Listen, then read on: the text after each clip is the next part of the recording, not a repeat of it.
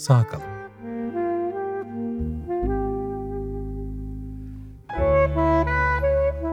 Filikalar denize inmeden.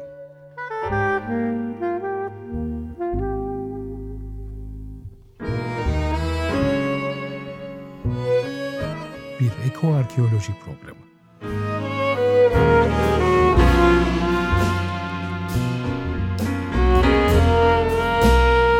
Hazırlayan ve sunanlar Nezih Başgelen ve Ebru Güzel.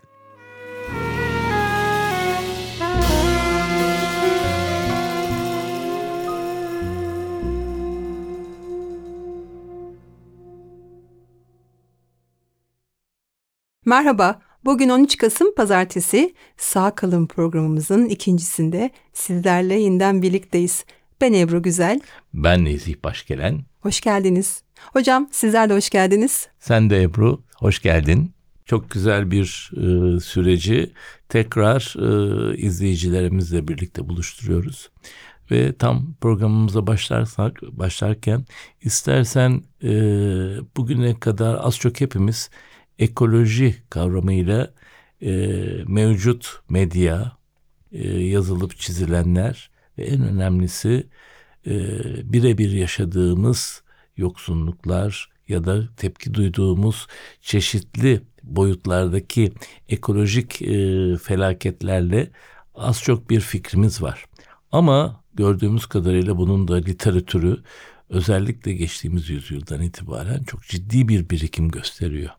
Tüm bunların ışığında sevgili Ebru bize ekoloji nedir dersek ne tip bir bilgi yoğunluğunu, bilgi altlığını aktarabilir. Evet ben de bunu aslında yeni öncülere referans refer ederek isterseniz başlayayım. Kitabımız yeni öncülerde bunu altını çizmiştim. Ee, yeniden bir yeniden çalıştım ekoloji kavramını.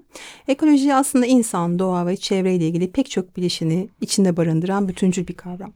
Ama tabii Yunanca bir kavram. Bu Sokrat öncesi düşüncede bütün bir ev anlamına geliyor. Yani oikos ve nomia kavramların birleşimi değil mi? Aslında Logos. Buyurun. Evet. Ev, ev ve bilim. Evet. Aslında hane halkının Halk ve hayvan organizmalarının incelenmesi Heh. gibi böyle bir e, özet bir durum yorum geçebiliriz. Günümüzde biyolojinin bilim dallarından biri olan ekoloji fiziksel ve çevresel döngüler arasındaki ilişkileri inceliyor. Tam da hocam insanlar artık en sevdikleri ama kırılmış fincanlarının parçalarını birleştirmeye çabalar gibiler. Aynen. İşte ekoloji bizi burada buluşturuyor. O parçaları birleştiriyor. Ama nasıl birleştiriyor? Geçmişle birlikte bağ kurarak. İşte o yüzden sizin buradaki katılımınız çok önemli. Yani arkeolojiyle ekolojiyi buluşturuyoruz biz burada. Biraz daha devam etmek istiyorum hocam kitapta. Ee, sürdürülebilirlik dilleri pelesenk olmuş bir kavram ya. Aslında sürdürülebilir bir yaşamın döngüsel, yavaş, kendine yeten değil mi? Yerel, dayanışık, doğayla bütünleşik bir tarza mümkün olduğunu artık hatırladık. Ekoloji diğer pozitif bilimlerde olduğu gibi neden sonuç ilişkisi yerine düzen, denge, ağlar, ilişkiler, döngüler gibi kavramlar üzerine çalışıyor. En iyimser yorumlar endüstri temelli, teknolojik, ucuz insan gücü ve kar odaklı ve kırılgan bir sistemden eşitlikçi, değil mi dayanışmacı, Gücü. paylaşımcı ve bütünlükçü bir yapılanmanın filiz verdiği ekolojik bir devinime doğru yol alıyoruz. Yepyeni bir bilinçle karşı karşıyayız ve bu bilinç hızla tüm dünyada insanlar arasında yaygınlaşıyor ama öbür taraftan da belki tarafın başat gücü de ekolojinin bütün bu kaynaklarını tüketmek üzere çok ciddi bir şekilde sahada. Ve bir gerçekten büyük bir ikilemin, büyük bir mücadelenin ve gerçekten geleceği biçimlerken e, büyük bir karşıtlığın da karşı karşı karşıya gelmenin de şafağındayız. Hocam bunda bilimin bir cevabı var bu söylediklerinize bilimsel bir cevap var. Onu şöyle bir ayrımın altını çizmekte fayda görüyorum. Çevre mi ekoloji mi? Değil mi? Çok tartışılan. Biz antropolojide özellikle son gelen e, yorumlarda doğa ve kültür ayrımını birleştiren doğa kültür kavramını öneriyoruz. Ve neden öneriyoruz onu hemen anlatayım çok kısacık. E, artık kendi içinde pek çok dala ayrılan ekoloji aslında insan merkezli ve doğa merkezli yaklaşımların tartışıldığı mistifak, mistifikasyona açık bir alan ya. Özellikle egemen iktidarla uyumsallaştığı için ekolojiden ayrıştığı dile getirilen çevreciler radikal ekolojistler tarafından oldukça eleştiriliyor. Çünkü niye biliyor musunuz? Bir yerde çevresel bakışta evet doğa çok kıymetli. Evet toprak, iklim her şey üzerine ortak bir çalışma alanı var ama yine insanın bu kaynakların insan güdümüne daha fazla nasıl kullanabiliriz diye bir e, iyileştirici bir durum söz konusu. Ama ekolojistlerde her şey bütün bir ev içinde tartışılıyor. Yani düşünsenize sadece insan, hayvan, bitki değil, mineraller, dağlar, bulutlar. Her şey. Her şey bir bütün bir parçası diye bakmak lazım. Ve O bütünün parçası olarak da insanı değerlendirmek lazım. İnsanı en tepeye yerleştirirsek tüm bu sistemi kontrol eden bir ma- mekanizmanın e, irade gücü olaraktan e, kabul edersek o zaman işte gerçek anlamda yok oluşun, gerçek anlamda Yanılgının, tükenişin yakın etnosentrik görüşün Evet. değil mi? Nasıldı kilise zamanında bak orta çağda dünya bütün evrenin merkezindeydi. Evet. Ne kadar e, insan da dünyanın merkezindeydi. Merkezinde. Bu merkezci görüşler o kadar yanılgı ki. Biz bunu bir e, antropolojik açıdan biraz tartışacağım. Sonra hemen size ekoloji ve arkeoloji niye çok önemli onu sormak istiyorum. Çok önemli yani tam bu sağ kalın programının menk taşı aslında bu. Çünkü alan yazında ekolojik arkeoloji yok kavram olarak. Çevresel arkeoloji olarak geçiyor. Geçiyor. Dalları var değil mi? Bunları bize Aynen. anlatacaksınız. Tabii batılı e, disiplinler e, eko antropolojiden hareket ediyorlar. Çünkü arkeoloji zaten antropolojinin bir parçası olarak özellikle Anglo-Sakson ve Amerikan geleneğinde özellikle Amerika'da kabul edilmiş. Her şeyi o çerçevede e, adapte edip e, yorumladıkça bizim e, coğrafyamızda arkeoloji temelli ve arkeolojinin bize sunduğu e, zeminde bunun tam karşılıklarını o daha oluşturamadık. E, Hep kavramları batıdan alıyoruz ama bulunduğumuz e, coğrafyanın e, araştırmaları, gereksinimleri ve bilimin bize sunduğu yeni olanaklar çerçevesinde kavramları ona göre e, bize uygun hale getirmeye, öz Türkçeleştirmeye ya da karşılıklarını bize uygun hale getirmeye çalışıyoruz. Tabii burada bir sıkıntı var. Ama bu da e, belli bir süreci e, gerektiriyor. Ona göre bir bakacağız. Ama şuna bakarsak, e, aynı bugün seninle e, daha önce hazırlığımız sırasında irdelerken e, antik kültür, örneğin mesela Ksenofonu ele aldığımızda ne diyor bize? İnsan diyor doğayla ilim uyum içinde bütün faaliyetlerini sürdürürse doğa da ona bereket verir, mutluluk verir, huzur verir, ürünlerini bolca sunar. Yani bir nevi e, hepimizin e, özlemini çektiğimiz e, özlemini çektiğimiz e, tarzda bir yaşantımızı e, ekolojik çevre e, söz konusu olduğunda karşımızda bulabiliyoruz. Ama doğaya karşı olursak bugüne kadar yaptığımız gibi bu sefer felaketleri arka arkaya verir diyor. Evet. Sel verir diyor, yangınlar verir diyor, deprem verir diyor, hortumlar. Yani saydığımız vakit dikkat et. Birkaç yıldır çok sık yaşadığımız bütün bu unsurlar çevremizde birer karabasan olaraktan yaşantımıza ciddi zararlar vermeye başlıyor. Evet. Demek ki o zaman ekoloji doğayla uyumda bizim için çok önemli bir e, kavram haline geliyor. Ve bu kavramı da doğru karşılıklarla içine dolduraraktan ilerlememiz lazım. O da senin çalışmalarının temelini ve bugüne kadar yaptığın birikimlerin de çerçevesini oluşturuyor. Evet bunu bir kavramsal açıdan şöyle altını doldurmamızda fayda var. Ekoloji biyolojiden kültürel araştırmalara kayarak genişlemesinde evrimci ve belirlenimci yani deterministik bakış açısı isyan çok önemli burada. İşte antropologlar buna karşı geliyorlar ve doğal çevrenin insan üzerine değişmez etkisinden insanın doğadan tecrit yaşantısına kadar her bir yaklaşım tek tek sorgulanıyor hocam. Bu 19. yüzyılda bize antropolojinin babalarındandır öyle geçer. Ders kitaplarında öyle okuruz biz. For antropolog Franz Boas'la başlıyor. Kültürel evrimcilere meydan okuyan bir dille kendisi doğal çevre koşullarının zorlayıcı ya da belirleyici olmadığını ancak pekiştirici ve kısıtlayıcı olabildiğinin altını çiziyor. Ve masa başı araştırmalar yerine yerinde gözlem, katılımlı gözlem bizim Hı hı. yöntemlerimizdir o. Bu şekilde bu sonuçta kültürel farklılıkların önemine vurgu yapar. Bunu yaparken de kendi bagajını dökersin der. Yine de e, araştırmacının bagajından çıkar çoğu şey. Tamamen e, objektiflik diye bir şey de yoktur deyip altını çizeriz. Bu da burada şu yani buna da nasıl ekolojiye kayıyor bu görüş? Örneğin bundan sonra değişim başlıyor.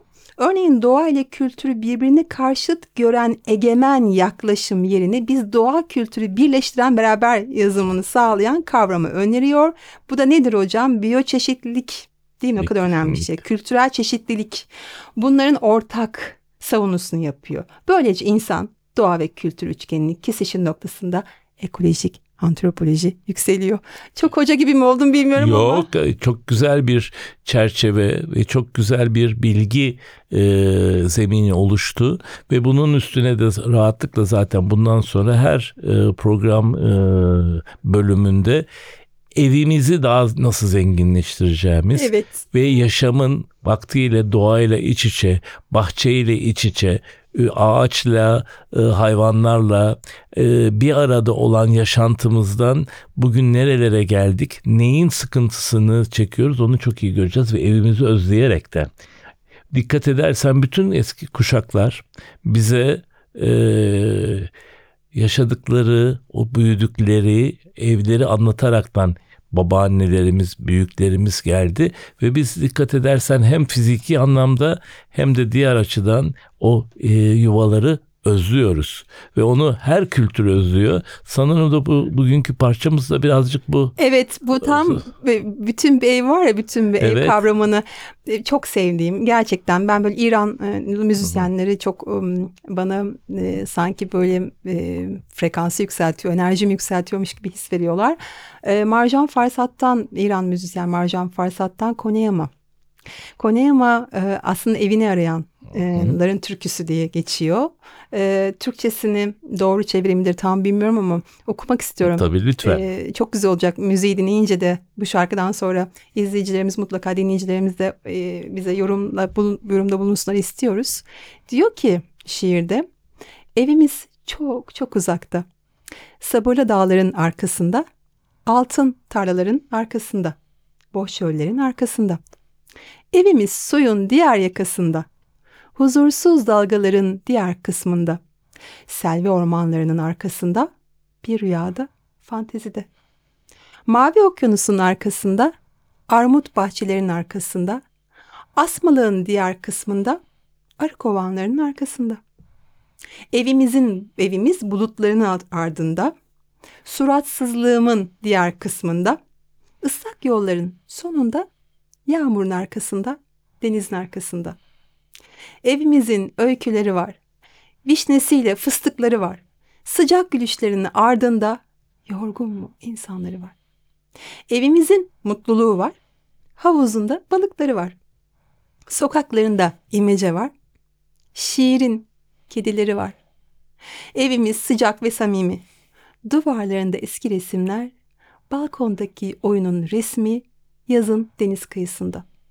Yağmur altındaki o günün resmi bir hıçkırık ve bavulla harika ve nazik insanların insanlardan ayrılırken evimiz çok çok uzakta. Sabırlı dağların arkasında, altın tarlalarının arkasında, boş çöllerin arkasında. Evimiz suyun diğer yakasında. Huzursuz dalgaların diğer kısmında, servi ormanlarının arkasında, bir rüyada, bir fantezide. Dinliyoruz. Ebru'cum açık çekmecede bu programımızda ne var? E, açık çekmecemizde İstanbul Arkeoloji Müzeleri Müdürü değerli Rahmi Asal Bey'in ev sahipliğinde İstanbul Kültür Müdürü Coşkun Yılmaz Bey'in de moderatörlüğünde İstanbul kazıları panelleri var. Geçtiğimiz haftalarda bu panellerin ilk yapıldı. Siz de konuktunuz orada değil mi? Evet çok da güzel konuşmacılarla İstanbul'un tarih öncesinden günümüze kazıları ele alındı. Çıkan bulgular Haydarpaşa'dan Beşiktaş'a, Yeni Kapı'dan Pendik'e e? Pendik'e kadar bütün bunlar e, irdelendiği gibi hem Osmanlı dönemi hem erken Cumhuriyet dönemi kazılarına da yer verildi ve bu tip programların da devam edeceği bizzat belirtildi. Hatta hatta bu alanlara da e, Kültür Müdürlüğü'nün Arkeoloji Müzesi e, organizasyonunda geziler, özel geziler düzenleyeceği de belirtildi ki bunlar için de Haydarpaşa çok ilginç. Beşiktaş her an o kurganları 8500 yıl öncesine dayanıyor değil Evet, mi hocam? evet. Bir de bu gömütlerde insan iskeletiyle birlikte tohum tohumlar. Gömülmüş değil mi? Bunun tohumlar ve o çevrenin gerek. o günkü yaşanılan çevrenin unsurları hem bitkisel hem hayvan kalıntıları açısından çok değerli pek çok veri ele geçmiş. Bunları da bize aktarttılar bildiğin gibi. Ve e, sanırım bu programları hem Kültür Müdürlüğü'nün hem de Arkeopera'nın e, sayfasında Evet, onu duyuralım e, lütfen izleyicilerimiz, dinleyicilerimiz izleyebilirler. E, toplumla buluşma açısından e, bunlar önemli kesişmeler. Çünkü yaşadığımız kent dünyanın en önemli metropollerinden biri ve 8500 yıllık tarihiyle de açık ara Neolitik'ten bugüne e, gayet önemli aşamaları e, dönem dönem geçirmiş ve dünya tarihini yakından ilgilendiren bir şehirde yaşıyoruz. O şehirli olmanın da bir gereği olaraktan sanırım Arkeoloji Müzesi'nin bu etkinliklerini gayet yakından izlemek e, Çok değerli olacak özellikle öğrencilerimiz için. Öğrencilerimiz Tekrar ediyorum ben İstanbul Kültür Müdürlüğü'nün sayfasından ya da Arkeopera'nın sayfasından Instagram sayfası olabilir, web adresi olabilir. Buradan e, bu bilgilere, duyurulara ulaşabilirler. E, bu bizim için çok kıymetli. İşte bahsettiğimiz gibi yeni kazılardaki çıkan bu tohum ve insan ilişkisi bu bize ne veriyor? Tam da sağ kalım umudu olarak Umut. Programımızda dile getirdiğimiz ve yeni öncülere getiriyor Tabii bizi. hemen öncesinde ekolojik arkeoloji anlamında çevresel arkeoloji diyorlar ama biz hani nedir çevresel arkeoloji işte arkeo, botanik, fauna kalıntılarının incelenmesi, jeo, arkeoloji gibi birçok şeylerin incelenmesi bu geçmiş toplumların tam da bakın geçim kaynakları Nelerdi? iklim, değil mi? Neler? İklime bağlı Nasıldı? koşullar nasıldı? Nerelerde yaşıyorlardı? Bitki örtüsü Bitki nasıldı örtüsü. değil mi? Arazi kullanımı nasıldı? Su kaynakları, suyla olan ilişkimiz. Çok önemli. Önemli. Gıda üretimi Gıda nasıldı? üretimi. Alet kullanımı gibi veriler bize neden önemli? Bunları buluyor olmak. Yani ne demiştik geçtiğimiz haftaki programımızda? Ee, bir geçmişe dayalı epimeteosçu yaklaşımla, düşünüşle. bunu biliyor olmak ne demiştik günümüze ışık tutacak. Çünkü bu veriler geçmiş toplumda nasıl yaşadığına dair ekolojik veriler bize onarıcı süreçleri sürdürmek için yol haritası sunuyor hocam.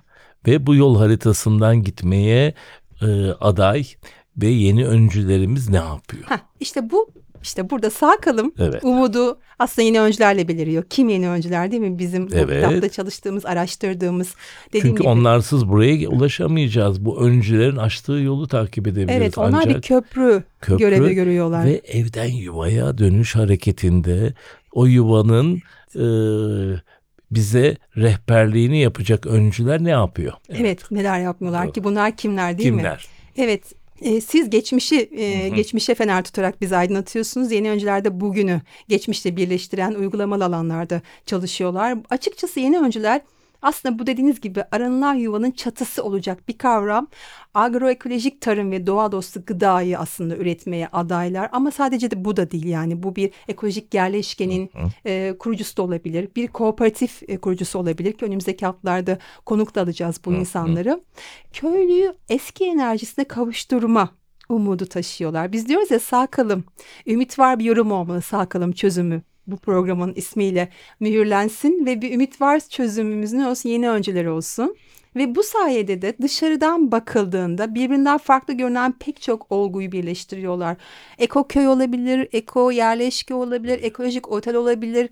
Muhteşem eko harita var. Mutlaka bakılsın. Orada bunların hepsi orada mevcut. Daha da fazlası var Türkiye'de. Hemen kimlerdi benim kitapta yeni öncülerdeki. E, sığdırabildiğim çok var. E, lütfen adını okuyamadıklarım e, alınmasınlar. Onlara ulaşacağız zaman içerisinde. Şöyle yapalım grup grup verelim çünkü e, söz edilmedi olmasın ve bunları bir e, program dizgesine e, uygun olaraktan her programda da yer vereceğiz bu isimlerine ki gerçekten hem önce olsunlar hem de örnek e, girişimci olaraktan da yeni öncüleri bizlere e, kazandırsınlar. Tabii burada mesela Çerkezköy'de Aysun Sökmen vardı bizim yeni öncümüz. Ee, yağmur suyu hasadı ve 8100 topluluğuyla aslında ekolojik bir toplum nasıl olacağını göstermeye çabalıyor. Mutlaka e, Aysun Sökmen incelenmeli. Bir yanda da Sarıgöl Kadın Girişimi Üretim ve İşletme Kooperatifi vardı Sarkop. Burada da farklı bir yapılanma. Yani kooperatifçiliği nasıl e, süre sürdürülebilir hale gelir ve kooperatifçilerin bu eski güvenilmezlik algısını nasıl kırdılar? Bunu çok güzel gösteriyordu. Emin Aygan onun e, başkanı. Organik tarımın öncüsü Gürsel Tombul var. Değirmen Park ve yerli organik ürünler üretiyordu. Bu ekolojik e, üretimin, tarımın aslında annesi olarak kabul ediliyor. Bir de yani çok var tabii. Kadim Orman Bekçisi Nardane Kuşçu var. Narköy Ekolojik Otel'in ve Eğitim Merkezi'nin kurucularından. Hatta şehir de yer vereceğiz galiba. Burdur Gölü'nün kıyısında Lisinya'nın Oraya kurucusu. geleceğim, geleceğim, geleceğim, oraya geleceğim. O gönüllü doğa koruyucusu. Evet, Sınır her açıdan o çok yönlü bir öncü. Türkiye'nin ilk yaban hayatı rehabilitasyon merkezi Lisinya Doğan'ın kurucusu. Ben ona Burning Man gibi diyorum orası. Bütün e, e, nesli tükenmekte olan e, varlıkların e, heykelini yapmış ama e, ahşaptan bir de insanı yapmış. Bizim de neslimiz tükeniyor çünkü değil mi? Bu programı o yüzden bir ümit, e, ümitli bir umut e, var bir hale getirmek için bu programı başlattık.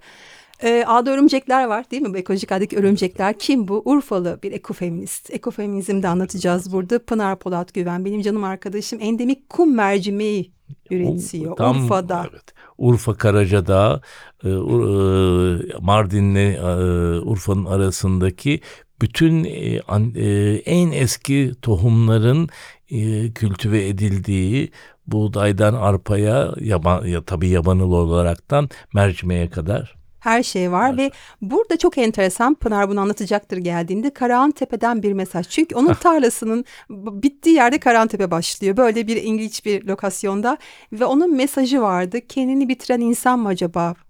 Karahan Tepe'nin mesajı bu mu acaba bize gösterdi. Çünkü halı gibi ya öyle. katman ve katman açıyoruz ve orada da bir sürü şey çıkıyor çıkıyor ve geçmişten de bize. sanırım çok çarpıcı e, ezber bozan yeni bulgular da var bu senede.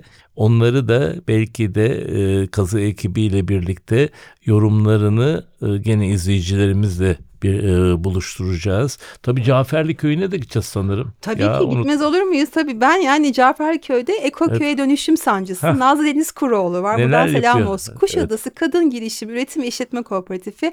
Biliyorsunuz çatı kuşları var Kuşadası'nın Evet. sembolü. Onu da yaşatmaya çalışıyorlar. Sembolü işte bakın geçmişe sahip çıkıyoruz. evet, evet. Bugünü ışıklandırmak için. Hatta Kuşadası deyince aklıma şey de geliyor. Ekodost sevgili Bahattin Sürücü.